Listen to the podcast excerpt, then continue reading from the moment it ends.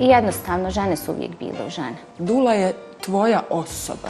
Važno je da je mama dobro. A kad je mama dobra, mama će biti dobra mama. Kupiš mašin za veš, ono, ti dobiješ upustvo, rodiš dijete, nema uputstva. Tako je. Najveća promjena biohemijska u mozgu dešava nakon porođaja. Žene često nosi osjećaj krivnje sa sobom i žene koje dođu u terapiju nakon nekih godina, pa dijete ima već 6-7 godina, kaže i dalje se budim sa osjećajem krivice. Uživaj u trudnoći.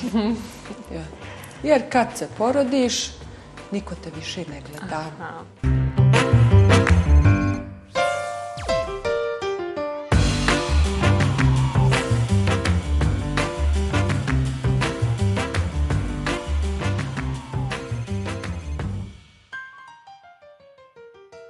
Dobrodošli u prvu epizodu podcasta Super Mama. Moje ime je Lana i ja sam Super Mama. I ti si Super Mama.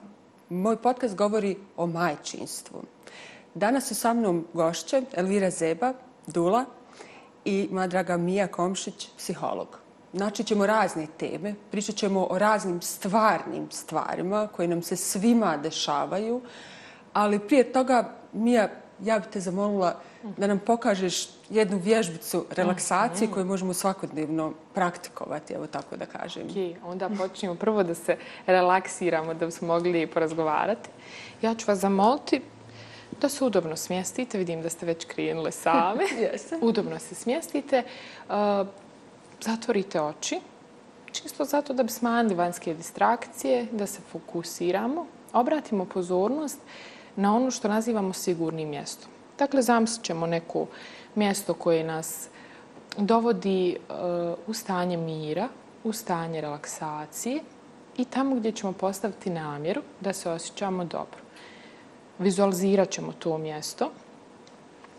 Sve ono što mjesto sa sobom nosi, a to su boje, mirisi, okusi, sve ono što možemo da čujemo na tom mjestu, možda nekoga i vidimo na tom mjestu, vidimo sebe, tamo gdje smo mi sasvim dobro sami sa sobom i duboko ćemo da udahnimo. Samo primijetite šta se dešava u vašem tijelu i gdje se šta dešava, u kojem dijelu tijela, kako je vaše srce, kako je vaše disanje. I stvorite sebi vizualizaciju onoga što je vaš krajnji cilj. Da li želite da se osjećate dobro, kako želite da se osjećate, kako želite da izgledate, šta želite da kažete u narednom periodu. Samo primijetite sve te senzacije koje se dešavaju i budite ok s njima doći će neke misli, potpuno ok da trenutno neke misli lutaju, neke ostanu. Važno je da primijetite pozitivne emocije i pozitivne misli koje se zakače i pokušajte da ih zadržite. Da svoju pažnju zadržite na njima i da se osjećate ok s tim. Još jednom udahnite jako duboko, izdahnite na usta. Još jednom ćemo da ponovimo.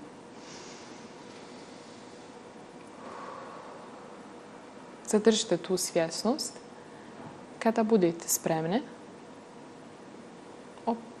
otvorit ćete svoje oči i ostati sa tom vizualizacijom, sa tom namjerom koju ste utvrdili i sa tom željom kakve želite da budete.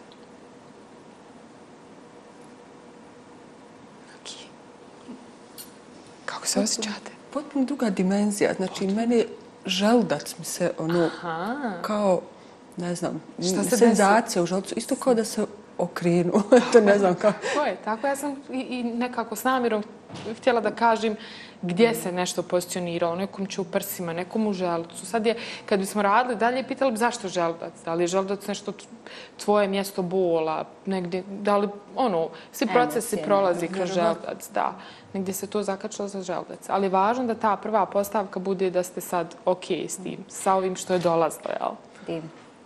Ovo slično radimo i sa trudnicama, posebno kad idu u porodilište, onako da vrate to svoje sigurno mjesto, da se osjećaju kao da su negdje na poznatom, iako im je bolnica nepoznata, često nesigurno nesiguran prostor, onda radimo taj kao grounding, ono, ok, si dobro, si diš, vizualiziraj.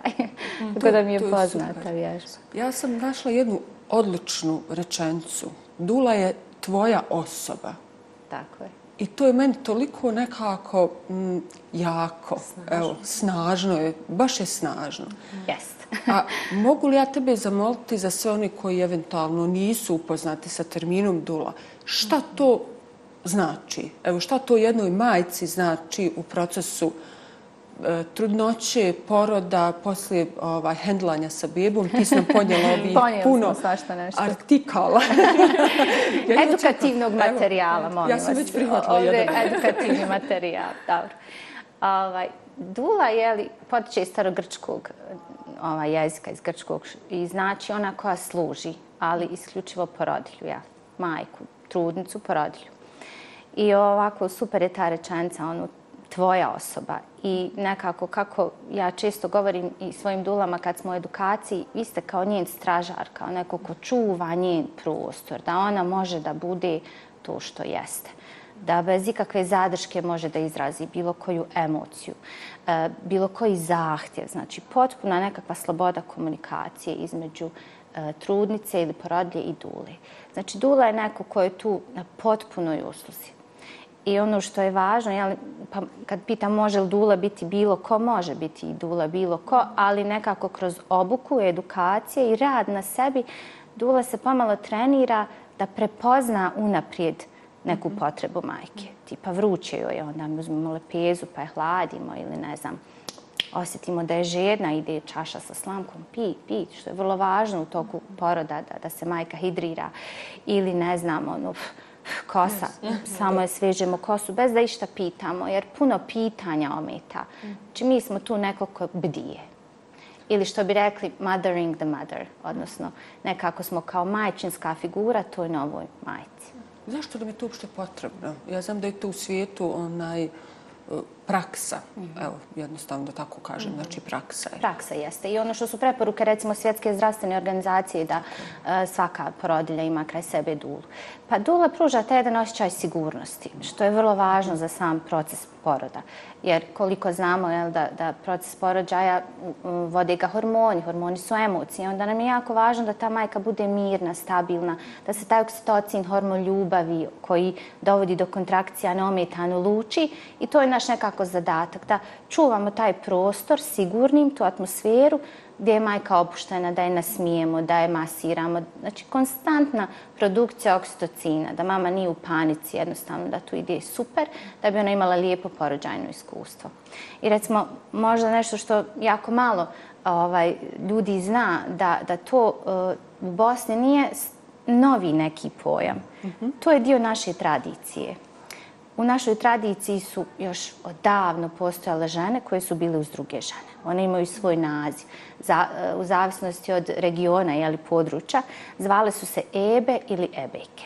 I recimo Anton Hangi u svojoj knjizi opisuje tačno šta je radila jedna Eba i na koji način je pomagala ovaj, trudnici ili porodilji ili posebno nakon porođaja, što je isto jako važan period za jednu majku, da ima tu konstantnu podršku. I jednostavno, žene su uvijek bile u žene. A to je najosjetljiviji dio života žene gdje je potrebna sva moguća podrška. Gdje su nam sad te žene, Mija, nestale?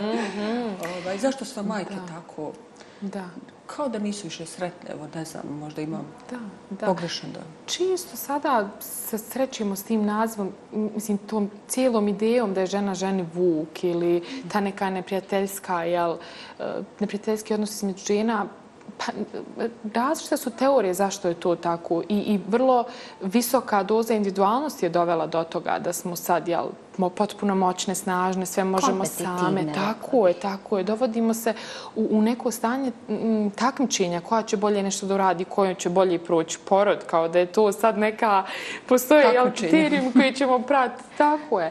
Ali uh, ono što je vrlo važno, uh, dakle, iz svijeta psihologije, psihoterapije, pa i u ovom svijetu, jel, majčinstva, potražiti pomoć, eh, ti neki E, prediktivni pokazatelj da će žena biti dobro nakon poroda je kada traži pomoć, pomoć od duli, traži pomoć od supruga, traži pomoć. Tu je posebna priča da li će žena tražiti pomoć uopšte, da li će tražiti, da li će dobiti pomoć, od koga će dobiti pomoć. Um, to je naslonjeno na one rane jel, ideje od toga da žena neće dobiti pomoć od svog supruga, da je muška uloga ovo, ženska rodna uloga ovo, ali uh, sva sreća da postoje ovakve žene, postoje ovakva praksa da će vam neko, jel, pa sasvim kao šta je to bez veze zaveže kosu, ali to je jako snažno u momentu kada se dešava tranzicija iz onoga da ste vi žena, pa ste trudna žena, pa ste majka, pa ste majka s malim djetetom, što da radim sa tim malim djetetom, ali postoji žena koja će vam, jel, dodati vodi. I ta, to lučenje okstocina koje u tom periodu ide samo za dijete, ide u pravcu djeteta, potpuno nesmetano je, pa ja bih rekla blago, jedno veliko blago, da vam neko pruži podršku da oksitocin usmjeravate, da vam je to jedini zadatak, pružite hormon svom djetetu, potpuno nesmetano. To je ono, wow. Juče mi je prijateljica rekla, izvini, juče je prijateljica rekla kao, došla mi je, ne znam, na sansu, ovaj, porodilja 13. dan, -huh. jel, uh -huh. porođena. -huh. Zašto to sebi radimo? Što, šta je problem da, o, da. mislim, da budemo majke. Evo kad su već odlučili da budemo majke, zašto ne bismo bila majke? Da, biti uz dijete, ne praviti se jaka. Zašto non stop moramo da pokazujemo, evo što smo, malo prije smo to spomenuli, spomenuli se kompeticija. Mm -hmm. S čim se poredimo? Mm -hmm. Ja kažem, ja sam sad rekla, ja sam super mama i ti si super mama i ti si super. Znači, ti da. si najbolja majka svom djetetu, da. mogu biti bolja da. tvom djetetu. Da. Da. Mi smo stalno u nekom... Uh, ja bih rekla da je ogroman pritisak i medija i društvenih mreža, onoga što je jel, ostavilo tog traga da smo mame koje će brzinski poroditi se, e, biti lijepe, biti zdrave, ustati, hraniti svoje dijete, e, održavati normalnu komunikaciju sa ostalim članom poroda. Ne. Mislim, potpuno je očekivana depresivno-anksiozna simptomatologija, potpuno je prirodna e, jedno stanje baby blues koje se dešava do 21. dana, mislim, onako negdje prosječne sad brojke govorim, kada da e, ta matrescencija, prelazak iz žene u majku je, nije slučajno da je, da je slično sa adolescencijom, jel to jezično, jer je stanje u kojem, bu, ono, stanje bure, hormona, promjena, potpuno okej okay, da nisam okej okay s tim, da sam sad, uh, moram da se oporavim, moram da preuzmem ulogu, moram da budem dobra žena, dobra maja, sve moram, a ništa u stvari od toga ne moram, nego moram da se, uh, važno je da je mama dobro, a kad je mama dobra, mama će biti dobra mama. Samo da sam el, optimalno zdrava, da mi prođe neki period, da su mi nalazi ok, da mi je beba ok, da mi je toplo u, u kući, da imam ručak skuhan, da imam dulu koja će doći da mi pomogne i tako dalje. Da donese ručak. Tako je, da donese ručak. Pa, Mislim, to je stvarno... A, a sada je insistiranje na tome da sam sretna, da je to... Kažu neke mame, joj, pa nije mi se rodio taj instinkt. Kao, mislila sam da instinktivno mogu da... Kao to, to, vidim bebu i to, ali rađa se beba i rađa se mama. Prva mama koja post nikad u životu prije nisam bila mama. Prva, prva trudnoća, prvi odnos koji ću doživjeti s djetetom je, mislim, potpuno jedna nova uloga koja nije ničemu slična ranije. Iako negdje sad imamo te ideje da je to pa Znate, žena je to, to i to. Jeste žena i domaćica i, i, i vodi, ne znam, neki podcast i radi u banci, psiholog i sve to. Ali uh, iznad svega zapravo moramo se vratiti na te biološke postavke da je mama ipak jedna uloga koja nosi sa sobom hiljadu drugih uloga. Promjena velika. Nedavno sam pročitala jedno istraživanje gdje kaže, vjerovatno vam je poznato, mm da se najveća, najveća promjena biohemijska u mozgu dešava Tako. nakon porođaja. Tako. I da je to stvarno promjena ono, moždane mase, aktivacija svih tih centara koji su nam potrebni za majčinstvo. I da, je to da nam je to potrebno kako bi mogle biti majke dugi niz godina. Tako je, kompletna hormonska struktura se promijeni, tako kompletno, vaš organizam kompletno se promijeni tako je, sa trudnoćom, odnosno sa porodom. I da ne tražimo podršku tu. I ono što ste govorili, zašto smo takve mame? Mhm. Nekako tražiti pomoć e, i podršku sad današnje vrijeme se smatra slabošću. Mm -hmm. A to bi u stvari trebali afirmirati kao vrlinu. Mm I da mhm. traženje pomoći nije ono, ok, ja ne znam ne, kako ću vidi, neko će mi se smijeti, hoćeš da budiš mama, ništa ne znaš. To je sve ok, naravno da ne znamo. Mislim, idemo na kurs šminkanja, a da ne idemo na, da nas neko ne podijeli iskustva o majčinstvu. Prvi put dobiješ uputstvo, u sve. Kupiš mašin za veš, Tako ono, te dobiješ je. uputstvo, rodiš je. nema uputstva. Tako je, tako je, nima Vlada, niko. ono, Izvolite Evo ga, paket, šta ću? Evo ga, Stiglo. to, beba, pa jeste, zato kažem, inzistira se na tome, instinktivno će vam se nešto, da, hoće instinktivno, kad dijete plače i kad ustajete svako dva sata, prekidate taj sporovalno spavanje, duboki san i to je biološki, to morate. Ustajete, ustajete instinktivno, zato što je to, jel, i hormonalno instinktivno tu je okej, ali instinktivno da sam tužna, da upadam čak i u depresiju nakon tog 21. dana je jedna trećina žena to doživi. I to je negdje jel, statistički tako, pa je tako. I sad zašto da se pravimo da smo snažni u tom momentu kad smo donijeli novo biće na svijet? Pa mislim, Ne treba. ne treba. Jesmo, jesmo snažne, ali smo krhke. Ali smo vrlo snažne i, i ovaj, nekako, ono, e, super mi je riječ na engleskom fragile. Eto. Tako je. I ono, molim vas, handlajte sa mnom vrlo oprezno. Lomljiva sam. Tako je. Sam snažna, ali sam lomljiva. Zapamtit ću. Kako kreće taj put uopšte potrage za dulom? I koji je nekako prvi korak, volila bi da kroz ovu emisiju e, objasnimo baš put, znači nazove ono šta uradi, kako, kako se uopšte konektuje recimo s tobom, s nekim drugim, ne odgovara ti recimo dula, potražiš neku drugu ili ne tražiš više nikako. Znači, baš mi je to interesantno bilo kako uopšte ono, nas dvije smo baš ono na prvu bonding imali neki, ali možda vas dvije nećete imati. Je li to normalno nešto To je ili... normalno, da. Ovaj, kako ide proces? Čuli ste za dule i ok, znate šta rade, ali to je neki prvi korak brige o sebi o svojoj trudnoći. Isto kao što idete na psihofizičke pripreme za trudnice, to je nekakav ono, step up, on brige o sebi. O, želim dulu, želim da mi taj period prođe lijepo i ugodno, jer to je nekako naša zadaća. I onda se čujemo. Ono, prva, prvi, eto ja bih voljela da mi ti budeš dula. Ok, ali moramo popiti kafu. Znači, moramo se upoznati. Moraš znati mene, ja moram upoznati tebe i da vidimo upravo to da li kliknemo. Jer e, jako je važno da, da je ta trudnica 100% slobodna prema meni. Da mi u svakom momentu može reći u porodu "Uf, Elvira, nerviraš me, hajde sad malo izađi. I da nema nikakvu zadršku, jer to je normalno u porođaju da se desi. Mislim, ja često pristujem porodima i onda često ih suprug nervira. Joj, molim, Stika, molim te, recimo, dok izađe. Kaže, aj, možeš nam donijeti čašu vode ili nešto, idi tamo, naspi nam kadu vode. I tako. Znači, to je vrlo važno. U- I damo vremena da razmislimo, da vidimo kako se osjećamo jedna drugu i onda ćemo odgovoriti jedna drugoj sutra. E, ja objasnim da je to u slučaju ako ja kažem, znaš šta, ja mislim da bi moja kolekcija bila bolji izbor za tebe, da on razumije da je to za njenu dobrobit. Super. Jer ono, u našem etičkom kodeksu je dobrobit trudnice iznad moje lične dobrobiti. I tako da ja, ako je ne preusmjerim nekom drugom, taj porođaj obično škripa. Nešto, mm, i meni i njoj nekako ne bude to, ono, nema nekakav svoj lijepi tok. E, tako da učimo na iskustvu. Kaže, joj, trebala sam ti je predat nekako, nije mi to, nisam dala 100%. E, to je. E. e, onda ako se odlučimo da, da sarađujemo, Uh, imamo taj jedan sastanak ili dva eventualno gdje ja idem u kućnu posjetu, uh, gdje radimo edukaciju, pripremu za porođaj, gdje joj objasnim jel, šta Odmah nam ovo. pokazuje, ja samo čekam Da vidimo šta se dešava. Jel, a, radimo tu edukaciju i ona nešto prođe, ali bitno nam je da razumiju proces porođaja, št- šta to znači. Znači, mi kao dule prođemo zaista jednu uh, obuku, recimo pri udruženju Dobri dule, gdje sam ja edukator, uh, obuka traje 9 mjeseci, ono simbolično, kao i beba, Super. gdje imamo predavanja, znači da moramo razumjeti uh, porođaj i moramo razumjeti iz ugla žene šta nam se to dešava. Evo, na primjer, ovo je nekako simbolično predstavljanje otvor, ono cerviksa koji se otvara i kažem, krenite od ovoga do ovoga. Kad ste ovdje, ono, beba, tu prolazi bebna glava. Ono, kad su muževi tu, super mi je ovako, ono, Toliko?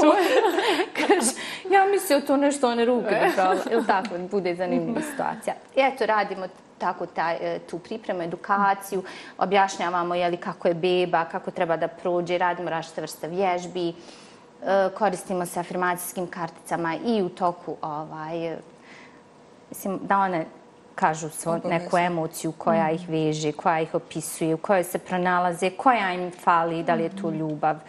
koja preovladava njima i tako. Znači, ono da se povežu same sa sobom, da uđu u tu neku priču osjećaja sebe, svog tijela i svojih emocija, kako bi se mogli povezati sa bebom.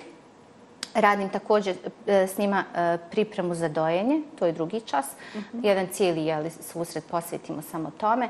E, jako je važno pripremiti se i na to, jer kao što ste rekli, nemamo mhm. upustvo za to dojenje. Jako puno problema i poteškoća se javlja sa dojenjem. Mm -hmm. Jako malo žena u Bosni doji. To je vrlo jedan mali procenat ako, me, ako nisam zaboravila podatke statističke, a ne idu mi dobro pamćenje broj, brojke, mislim da je 18%, što je -hmm. vrlo nisko. -hmm. ovaj, ako sam negdje pogriješila, nema veze, uglavnom nisko je. E, tako da radimo pripremu, jako nam je važno da majka osjeti kako će držati bebu, zbog toga jel, nosimo i lutku ovu. Sve ću mi to sad isprobati. Sve ću mi to. Tako, e, i ovaj, kad završimo taj edukativni dio, onda sam ja on call, mi to tako kažemo, u stvari u fazi čekanja i ono stand by, čekam da me nazove. Od 38. sedmice moram biti uvijek dostupna, bilo koje doba dana, noći, čak i kad je lažno ono, kontrakcija, nešto u dva sata, ono, skačem, ok, molim, trebam se javiti super, ono, da je sve okej, okay, da nisam usplahirana na neki način, da ne prenesem to njoj. Tako da ovaj, potreban nam je pravo dobar trening rada na sebi, svakoj duži. Da ne prenosimo neku svoju nervozu ili čak svoje loše porođajno iskustvo na nju. E onda kada krenu kontrakcije, kada je to stvarno porođaj, ja dolazim sa nekim svojim rekvizitima, ali najčešće kako godine prolaze, moji rekviziti su ruke moje i ono što ja znam, moje nekakva znanja i vještine. Tako da e, radim puno e, po Spinning Babies e, programu. To je jedna metoda gdje mi tijelo dovodimo u balans različitim vrstama pokreta i masaža da bi bebi napravili više prostora. Što se pokazalo jako korisnim i super ovaj, u, u recimo različitim vrstama poteškoća ili nenapredovanja kontrakcija i tako. I tu smo jeli neko vrijeme dok majka ne odluči da je vrijeme da ide u porodilište. I ovo ja ono podcrtavam, majka odlučuje. Majka odlučuje o svemu, Dula je tu samo podrška, ona nije neko ko je advokat, ko donosi odluke. Znači uvijek je uh, majka, odnosno porodilja ta koja je in charge i on iskazuje svoje želje, a mi smo tu da, da te želje ovaj, propratimo, odgovorimo na njih. I jako je bitno uh, kada mi vidimo nešto, da nekako pokušamo subtilno sugerisati da, da je zaista vrijeme da se ide u porodilište. Uh mhm. -huh. Nekakav je trend, ono, ne želim ići do samog kraja. Uh -huh. Međutim, prvorodke jako teško mogu raspoznati šta je to sami kraj. Uh -huh. Nekad na prvu, ovo je to, ja ne mogu više izdržati, a čeka nas još, na primjer, 6, 7, 8 sati porođaja, to je tek počelo. Ili imaju nekako dobar prag bola pa trpe, trpe, trpe i onda može da se desi da se, ne daj Bože, mislim, jeste da se porodi ono, negdje da bude to turistički porođaj. Eto, tu nekako nastojimo da, da sugerišemo da se ide na vrijeme. Nekad nas ne poslušaju, pa bude i, da kažemo, nekakvih ishoda gdje se mora zvati hitna pomoć, odbijaju saradnju, ne žele, ali to je jednostavno dio njihove odgovornosti gdje to moraju prihvatiti.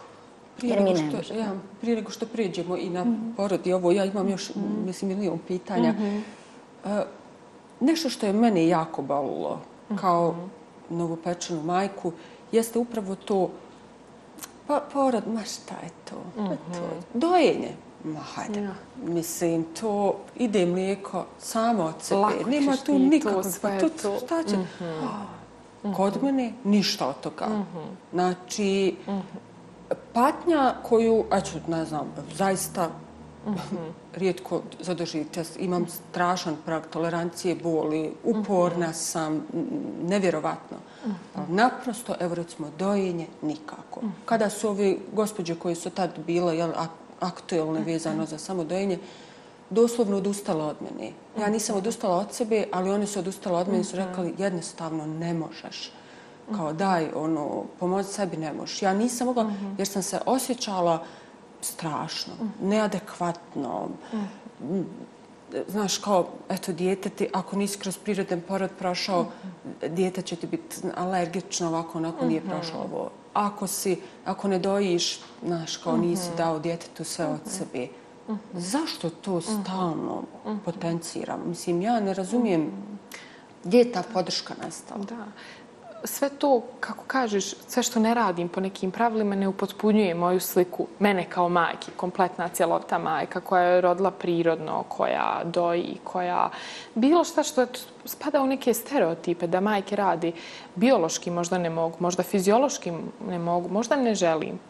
Ono što si rekla, kažeš, majka odlučuje, pa negdje kao da smo prošli ili prešli preko te kategorije da imam pravo da odlučim mm -hmm. i to je ono što me dosta stvari mi podsjetilo na odnos klijenta-terapeuta, da je klijent taj, odnosno majka, ali vrlo slično tome da ima pravo da odluči, ima pravo da e, zna informacije. Ono što kažeš, imam pravo da znam e, šta me čeka. To je, ovo je sve savršeno zato što prikazuje, e, daje nam dozu predvidivosti, a čovjek je važan predvidivost, da znam šta me čeka, da znam šta otprilike, otprilike makar, da znam kako da izgleda, kako ću držati odgajati dijete, kako ću ga hraniti, kako ću se osjećati, da neko razgovara sa mnom, da neko bude tu, kako da ustanijem.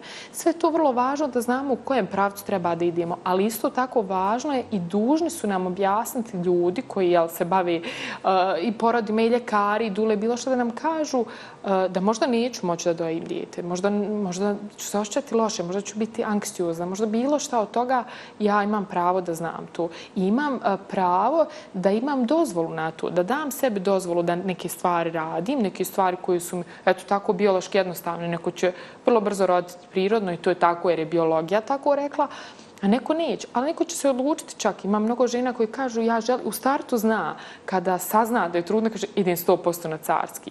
I to je potpuno okej. Okay. Ona ima svoje razloge. Da li će ona raditi na tome? Zašto je to tako? Da li to njoj paše i ne paše? Da li ona okej okay s tim? Mi u to ne treba da ulazimo. I onako, žene često nosi osjećaj krivnje sa sobom i žene koje dođu u terapiju nakon nekih godina, pa dijete ima već 6-7 godina, kaže i dalje se budim sa osjećajem krivice, da li sam trebala ovu, da li sam trebala onu, da li sam trebala da odim u drugu bolnicu, rodim drugačije, postupim drugačije.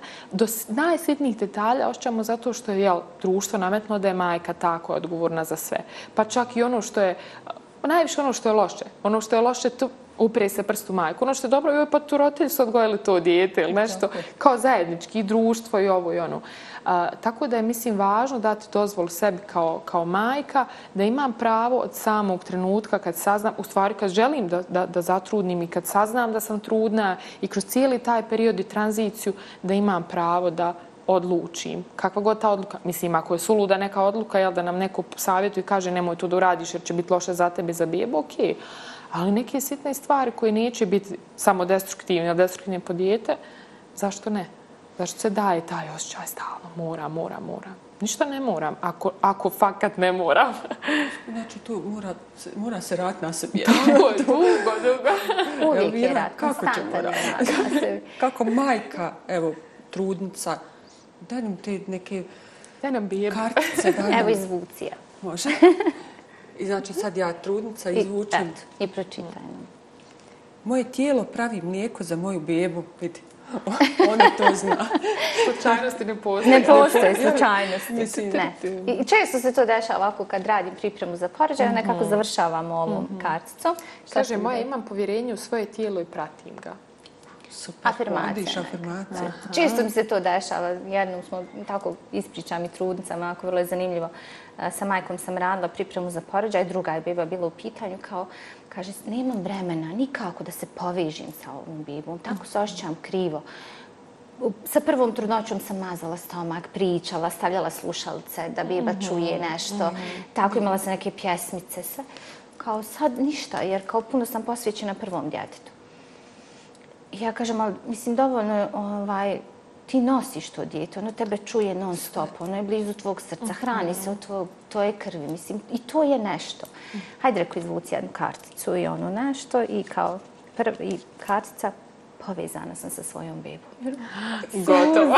Isto, ja sam sad djela, da tako?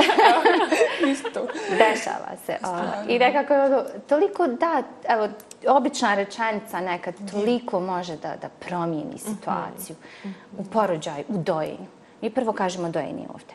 E onda da vidimo da li postoje neke prepreke, jel? Mhm. Ovaj, razvojne fiziološke, jer ako majka nema mliječje žeze, ne može dojiti. Mislim, to se može vidjeti. Da li su grud porasla u toku trudnoće? Nekako prvo pitanje koje se ženama čini ono, ok, što me sad to pitaš?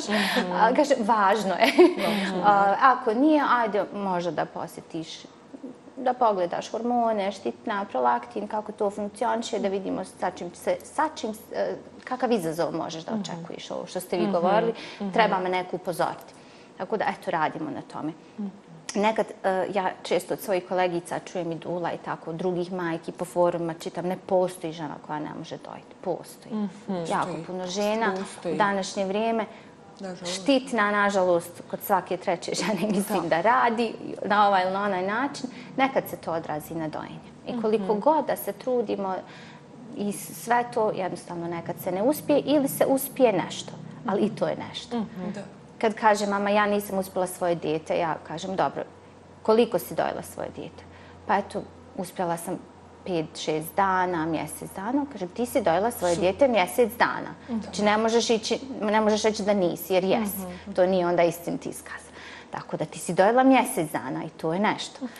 Tako da nastojim uvijek majkama olakšiti, upravo da nemaju tu samokrivnju i kad razumiju zašto im se nešto desilo. Jer često kad ne razumijemo zašto sam imala težak porođaj, zašto sam završila na carskom, ako ga nisam htjela, jel, ako nije bio izbor prvi ili ne znam, uh, zašto nisam mogla dojiti? Kad malo porazgovaramo, kad pokušamo objasniti šta je to moglo da se desi, ta samokrivnja onda, ok, a nije do mene ili ok, zbog toga je, to je bio uzrok.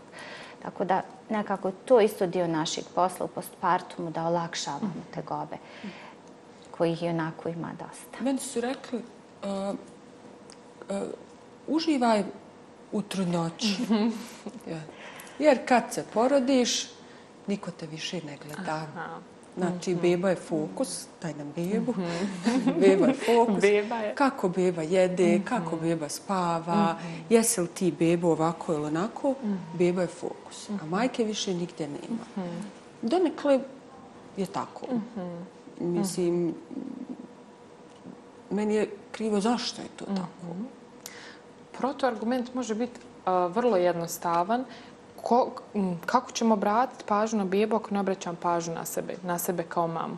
Mislim, mogu gledati u bebu satima i danima ako ja nisam dobro, ako se raspadam od bolova, ako sam psihički jako loše, ako imam nepovoljan odnos sa suprugom, ako sam nesretna, ako džaba meni što gledam i svi gledaju u bebu, a ja sam kao ta prva jel, stanca bebi koja će dati hranu, spavati, presvući, bilo, šta, bilo koju potrebu ispuniti djetetu, a da ne pričamo o potrebama privrženosti, prvog kontakta, skin to skin, sve to stoji, ko će brinuti o meni? Ko je, sad, sad je manje važno jel, da sam ja u centru pažnje i zapravo je pogrešna pe, uh, interpretacija toga da li ja ili beba treba da budem u fokusu. Pa mislim, oboje treba da budem u fokusu. O meni treba da brine... Dula. Dula, recimo, Jest, recimo. Dula, suprug, moja mama, bilo ko pa ću ja posljedično da brinem o bebi, pa će svi oni da pomognu da brinu o bebi. Znači, više nije to ono, ja sam sjever, beba, jug, mi smo tako udalje, negdje, ja, svi oko bebe, ja tamo negdje umirim od bolova i tužna i šta ja znam. Nego je potpuno to neka integracija odnosa da je ono što sam rekla na početku, da je mama dobro da bi bila dobra. Mamine vještine se gledaju, gleda se način na koji drži bebu i to sve. Ne. Mislim, to su vještine koje se uče. Kao i ono, zadatak iz matematike, kako da ga uradim. Joj, sad sam, sačkaj, smir se polako, pa ću raditi. To je vještina koju ću naučiti. Dva i dva, množenje, dijeljenje, sve je to vještina. Ali sam, ne da se dovedem u stanje nekog mira i balansa da bi mogla da naučim. Jel blokiram, time blokiram svoju kogniciju, ne razmišljam, prefrontalni korteks zamrznut, ne mogu da razmišljam, ne mogu da pamtim, ne mogu ništa. u stanju stresa. Tako je. Relaks. Pa ću onda kognicija sama da proradi. Još ćemo mi o tom relaksu. Naučit ćemo još jednu vježbicu, nadam ćemo se. Jeste, a prije toga učili dule majke zagrljajima. Ono što sam ja kroz svoje iskustvo lično, a i kroz uh, rad sa majkama, ovaj, odnosno sa roditeljima, ne samo s majkama. Mi ovdje to vrijeme govorimo majka, majka, majka. Nije samo majka i otac je tu i, i da je, znači, 50-50, što bi se reklo. Ovaj, učimo li zagrljajima? Zato što naprosto nama toliko fali ti zagrljaja. Zagrljaj liječi, zagrljaj. Kad dijete plače, zagrljaj, naši otkucaj srca, mirnoća, način, evo ovako, da se smirimo i da tek onda uzmemo bebu. Ja sam imala jedan takav divan slučaj koji mi je to pokazao čitav, čitavu perspektivu tih jel, zagrljaj koliko to vrijedi. Znači, došla sam na jednu masažu beba gdje su roditelji bili, ne da su bili van sebe, oni su jedno plače, a drugo samo što ne zaplače. I dijete plače. I naravno, mislim, ja ne diram djecu, rekao sam, ok, ovaj put ću prijeći preko svoje, jer vidim da je to tamo hodilo. Jedna u kući uzela bebu i naprosto ono sa svojih 60 otkuća srca, dijete je samo prestalo plakati. A, zašto je važno da se majka smiri? Zašto je važno, odnosno se roditelji smire, zašto je važno grliti bebu? Uči, uči, uče li dule to? Du, nekako nam je to sastavni dio posla, grljenje. I mi često kažemo uh, majkama, ti si bebino prirodno stanište. Isto kao što je voda za ribu. Da tako. Mm. Ti si njeno prirodno stanište. Beba želi da bude uz tebe. Ne plače samo što je gladna. Plače zato što želi tvoju blizinu, jer ona je totalno konektovana za tebe. Za tvoje disanje, za tvoju toplinu, za tvoje srčane otkucaje, za šumove, tvoju boju glasa, na kraju kreva tvoj mir i sve. Beba se stabilizuje. Zato je to ono skin, skin to skin jako važan. E, također mi savjetujemo skin to skin sa ocem jer je i to jako važno. Tako je. Mhm. Ali i ono što također radimo kad je u pitanju zagrlja jeste uh, mi kao dule uh, se učimo da nas majke zagrle u momentu kontrakcije.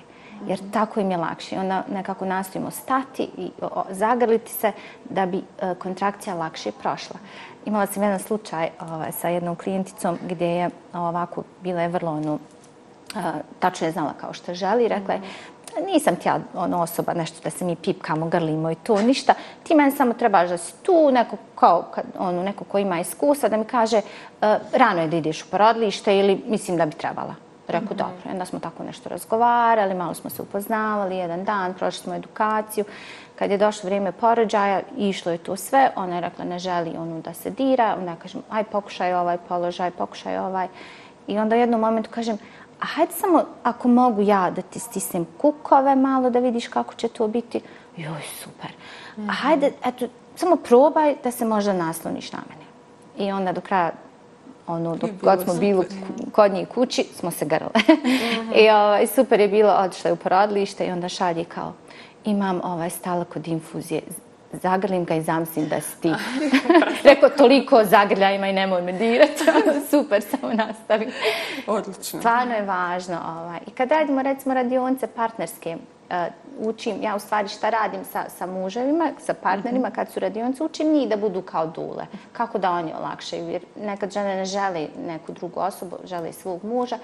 I onda ja prenosim nekako ta svoja znanja i veštine da oni mogu tu da budu i često je zagrlja jedan od metoda olakšavanja bolova i stresa. Pokaži nam, molim te, sada način, znači kako pravilno, evo ako ćemo učiti, mm -hmm. da naučimo kako pravilno držati bebu. Za podoj. Mm. Tako, za podoj i inače kako je pravilno držati. Daj nam neke tipse. To bi bio neki baby handling, ono što Tako recimo je. ja nisam struča u toliko u baby handlingu. Mm. Uh, ja kao savjetnica za dojenje savjetujem da kako se beba pravilno namesti za mm -hmm. dojenje. Ono što često susrećem jeste da majke ovako doje mm -hmm. bebu. Uh, onda šta rade, recimo, nemaju beba ovako, ne može gutati ako okreni svoju glavu, a stomačić joj gore. Mislim, ne možete ni vi ako se ovako okrenete, vrlo tiško ćete gutati, nije tu baš mm -hmm. fino. Onda se ne najede dovoljno, nema dovoljno izvlačenja mlijeka, automatski laktacija opada, javljaju se poteškoće u problemu dojenju. Znači, prvi korak kad kažemo stomak ka stomaku, znači da je bebica okrenuta tu, e, jako je važno da imamo neki jastuk, mm -hmm da stavimo, mm -hmm. da, nam, da nas ruka ne zaboli, bebcina ruka ide tu i ok, ne žurimo. Jesmo se lijepo namisle, jesmo, e, idemo lagano pruba. To je položaj. Mm -hmm. Ali prije svega radimo na položaju majke. Kako ona može da se namisti? Kako u porodlištu, kada eventualno ima rezu od epiziotomije, kako će se namisti? Kako će privući bebu, ja s jednom rukom? Kako na boku da leži? Kako da privuče bebu? Kako da se namisti? I na kraju krajeva zato nam služe ove rekviziti kako da, e, da taj hvat bude pravilan. Što nam je ono osnova u dojenju, mhm. pravilan hvat. Kako da ubacimo mi sa to u bebina usta koja su kao nekad mala, nekad su veća. Mhm. Zavisi, nekad su e, ovaj, naši e, alati za dojenje mhm. različiti. Tako da moramo se pristupiti individualno svakoj ženi. Zbog toga je ta priprema bitna. I evo, recimo, to bi bio neki položaj sjedići gdje je vrlo važno da je mama opuštena, trebao bi još jedan jastuk iza leđa, da, da ona fino sjedne i onda mi tu, imate li jastuka? E, hajmo jastucima napraviti situaciju. I tako, i onda dojite bebu. I naravno, vrlo je to, žene su ovakvog Tako je, Mhm. grčane. I onda, ajde polako, pa dišemo, ajde opusti se, opusti se, opusti. A mama je samo važno, daj brzo, beba plaće, gladna je. Ima jedna super situacija gdje mi kažemo ovaj, na grupi To je njen, bilo je jedan, aktuelna jedno vrijeme, bila ta grupa gdje su radile mame savjetnice i tamo ima jedan tekst ovako napisan, beba plaće, razlozi, pa dvije tabele. E, šta svi misle, šta mama misli, šta svi misle, Joj, beba znam. je gladna, je. a šta, kao, šta može da se desi? Pa različite vrste ovaj, situacija. Između ostalog, dedo mi je sjeo na ruku i pravi se lud. Žulja me pelena, neko ima ružan parfim, smeta mi je, svjetlo, kapica mi je ono pala i tako. Tako Svašta može biti, a mi, ok, gladna, gladna, gladna. To je taj nekakav To je to, strah jest, jest, jest. koji se javlja, koji je potpuno Mhm. normalan. Pa- Zato je važna okolina. Šetaš ovaj, sa bebom, beba plače i naravno ti si Mhm. ono van sebe od svega. Prileti kona, kaže, pa gladna ti je beba.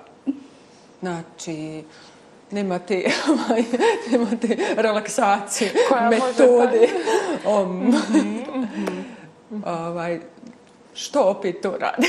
Što opet radiš? Što uopšte i šta pita neko? Što nekako ona misli da zna nešto? Jeste. To je dio neke naše Tako kulture ili nekulture, hajmo e, reći. Tako je, tako je. To je vrlo, ne samo za ovo. Mislim, mi prelazimo granice kad su intimne zone u pitanju. Uvijek, gotovo uvijek, pitanja, ta intimne uh, udaja, djeca, fakultet. Šta znamo šta je nekom bolna tačka u životu, a ovo je vrlo intimno, odnos majke, bebe, porod, bilo šta.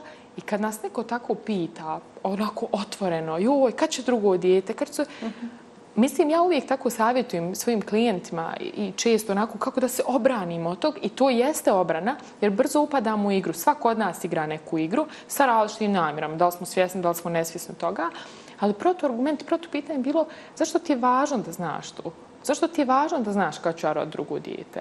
Zašto ti, jel svako pitanje, svaka iduća uh, odgovor, bilo šta bi bilo upadanje u igru. Dakle, joj, ne mogu sad, znaš, i radim ovo, ono, t, t, t, upada me, gotovo smo, pojeo nas je, sugovornik, znači uništio nas je. Znači, kad nas pitaju da, im, da ih pitam zašto ti je Pitanje, važno tako da to zašto je znaš? važno, zašto, zašto je za tebe važno? Znači, molim sve da zapamte. Zapamte, kad da već ne možemo ovo. mijenjati okolinu, Tako zašto ti je važno da to znaš? Zašto ti je važno da Tako imaš tu informaciju? Tako. I uvijek će vam reakcija biti ne uvijek, ali kao zamrznem se, kao šta sad, otkud pitanje? Ne, ne, ne, ja sam postavio pitanje, ja čekam da ti... Da mi ne, se ja opravdaš. postavljam, tako je. E sad je to veliko polje fantazije koje mi u psihoterapiji prorađujemo, da smo u psihoterapiji, zašto vam je to važno? Otkrivamo njegove fantazije, njegove ideje, njegove, kažem, ne mislim na muški rod, ali onako generalno kad njegove njene. Sve je to Ideje, karte. Tako je, tako je, tako je. Zašto je važno da neko zna odakle to dolazi? Mi to često kažemo u psihoterapiji, to je tvoje. To je nešto tvoje i, ti, i uopšte nema veze sa mnom. Da li sam ja sad spremna za drugo dijete, da li ću pisati fakultet, da li ću se odseliti u drugi grad. Ako sam dovoljno stabilna da kažem da što je to tebi važno, prekidam igru. I sagovornik je tu ljut, iznenađen, uvrijeđen. Jao, kako si mogao to da mi kažeš? Odlično. Znači, ne da, ne da ću iskoristiti, nego to mi je sad To je kao Vježba ću. omiljena vježba ću, tako je, pred ogledalom. Zašto ti je to važno da znaš? Nekad se u, u, ovaj, u pripremi za porođaj, u stvari u pripremi za postpartum, uh, pravimo plan kako uh, handlati familiju. I onda kao kaže, znate, ja tu ja imam super divan odnos sa svekrvom, ali ona čisto tako voli da dominira i tako. Kaže, dobro, voliš li ti kako ona kuha? Poko volim, super. E, ti njoj fino kažeš, mama, svekrvo, gospođo, kako je već nazivaš. I meni će biti potrebna tvoja pomoć. Posle porođaja, molim te, ja tako uživam u tvom kuhanju. Ja neću biti sa, baš u stanju da kuham za sebe. Ti ćeš meni toliko pomoći. Meni je važno da super jedim, da se pravilno hranim. Molim te svaki dan skuhaj i donesi mi. I tačno ste joj rekli šta da radi, dali ste joj zadatak i ona neće možda imati puno vremena. Nešto smo možda preduhitrili. Suprugu isto tako. Idemo kroz kuhinju da ti pokažem šta stoji. Nemoj me kad dojim pitat gdje ti je ona šerpa ili ne znam, gdje su kese za smeće. nemoj me, ne mogu na to misliti. Znači, mislim samo na bebu. Ne mislim na svoje, oba, na svoje prirodne o, potrebe. Žene ne misle jednostavno. Kad su, jesu jele, jesu spavale, jesu išli u toalet. Totalno, ništa. Jer sav fokus je usmjeren na dijete. Ja sam sebi navijala sad za te stvari, jer prosto zaboravim jest. Znači, koliko je, Da, znači, fokus taj tu. fokus. Da, to je, to je u stvari i, i, i ono što istraživanje nauka kaže da je dobar prediktor zdravlja žene nakon poroda upravo ta raspodjela uloga, jer uvijek upadamo u taj model konflikta uloga. Da li ja sad moram sve, šta suprug radi, šta sve krva radi. Uvijek nam je tu kao, ne, ne, ne, mi ćemo se lijepo sjesti i dogovoriti. Ako dobro kuhaš, ti kuhaš. Ako ti imaš vremena da... Odiš u nabavku, Evo, neko će ti izvesti to radiš. dijete, I to je to. Raspodijelit ćemo uloge i izaći ćemo čak iz tog tradicionalnog okvira. Moramo izaći jer je takva situacija da sada više muž ako ranije nije usavao kuću, sada moraš usavati jer ja ne mogu, jednostavno ne mogu. I to je negdje jel, prediktor za bolje Mislim, nije zdravlje. problem nemoral, nek nam plati neko kako može. Recimo, uvijek se možemo dogovoriti. Rješenja ima. Tako, je, tako, tako. Ma, rješenja. mi sebi nametnemo silne obaveze kojih nikako ne možemo da se riješimo, eto, čisto da bi, ne znam šta, Bile zadovoljili, tako, Zadovoljili bile tu super. sliku savršenstva. nama je- Jeste. Mene često pitaju, Elvira, kako stižeš sve? Ja kažem, ali ja uopšte ne stižem Isto. sve. Znači, ja ne stižem ništa. Apsolutno. I to je to. to Ne je ta... želim da stignem. Da, da. A, ja bih htjela na naš zakon da se trenutak samo osvrnimo, neću ništa ovaj, dubiti oko toga, jer država nam je takva kakva je, spravila se takva kakva je, nažalost, nekako nikako da ubacimo neke dobre stvari. Jer je ovo sve divno. Zašto ne bi Dula bila nešto što je prepoznato u zakonu? Američko udruženje ginekologa i akušera je prepoznalo, uradilo studije i ubacilo Dulu kao nekakav jel, normalan dio ovaj, trudnoće, poroda i posle poroda. Znači, jednostavno je tu. Priznata Sistematizirano. i potvrđeno Da. njena korist. Tako je. A, postoje studije koje su radili, benefiti koji su da znači zaista ima naučne. Ja kažem, ja volim krenuti od nauke, pošto sam naučni tip ovaj, i bavim se i u akademskoj sa zajednici. Znači, sve ono što je naukom dokazano, ok, ajde da vidimo kako mi to možemo implementirati. Kakva su iskustva i da li iko sluša, ima li iko imalo ono, osjećaja da je ovo stvarno važno. Danas nam je natalitet nula. Koliko ima uh, ovaj, porodica sa puno djece? Jako malo. Ka- malo. Kako nam je, mislim, ja vidim statistikama, pošto bavim lijekom, ovim, onim, znači vidim potrošnju koja opada. Vidim, nema, nema ljudi, nije to, 4 miliona, 3 miliona, 2 miliona. Mi kao dule radimo upravo tu priču, podrška natalitetu. Evo ja, ja imam šestoro djece. Znam, di- I kroz svoju djecu i kroz, kroz mnoge žene koje su imale traumu na prvom porođaju, pa smo preradili tu, pa su rodile još jedno, dvoje, troje djece. Naš se rad ne priznaje. Mi se nekako dule gledamo kao prijetnja sistemu. Mislim da je to pitanje bi trebalo možda postaviti sistemu. Zašto od nas oni ne priznaju ili zašto? Nekad se desi nekakve, eh, hajmo reći, eh, loši ishodi ili nepoželjni ishodi na porođaju.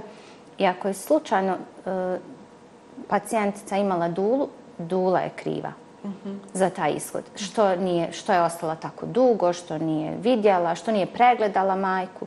Mi to ne radimo. Mi uporno govorimo da mi nismo medicinski radnici, mi ne vršimo preglede, mi, nama je to zabranjeno našim kodeksom, isključenjem iz udruđe, udruženja. Znači, nikako, ni pošto ne radimo medicinske, jer nismo medicinski radnici. Mi smo samo osobe koje su prošle trening da budu podrška, da budu ruka podrške. Zašto nas ne priznaju? To je jedno pitanje na koje ja nemam odgovor. Nažalost. Dajte nam još neku vježbu da se malo relaksiramo. Smo ovako se lijepo posložili, jel, kognitivno. Opet ću vas zamoliti da se udobno smjestite. Možete zatvoriti oči, možete samo usmjeriti pogled na neku tačku gdje nećete onako bježati od pozornosti mjesta na kojem želite da budete. Uradit ćemo kratku relaksaciju vaših mišića, nekih velikih skupina mišića, počevši od obje ruke, gdje ćete lagano saviti ruke u laktu, istovremeno šake i podlaktice i nadlaktice, držati i otpustiti. Prijeći ćete na čelo, namrštit ćete jako čelo kao da vas je neko naljutio i opustiti svoje čelo. Prijeći ćete na oči, stisnuti jako oči, kao da neka jaka blještava svjetlost ide u oči i otpustiti. Prijeći ćete na stražni dio vrata, osjetiti taj dio, polako zabaciti glavu unazad i polako unaprijed bez naglih pokrita. Prijeći ćete na ramena, podignuti i jedno i drugo rame, kao da pokušavate uši da dodirnete i lagano spustite. Prijeđite na prsa i duboko udahnite gornjim dijelom svojih prsa i spustite. Prijeđite na trbuh, napuhati jako trbuh i spustite taj zrak. Prijeći ćete na obje noge, gdje ćete stisnuti jako nadkoljence i čvrsto pritisnuti stopala u pod, da osjetite taj pod i opustite. Sad kad smo skenirali određene dijelove tijela, možete jako udahnuti i otpustiti. Kad ste spremni, možete otvoriti svoje oči. Samo promatrajte šta se dešava.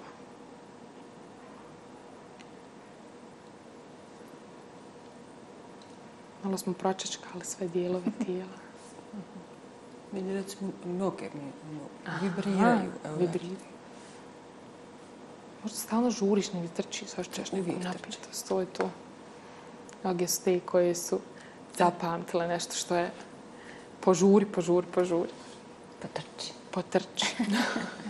Ono, Po bosanski počera. Počera. Žene čerajte.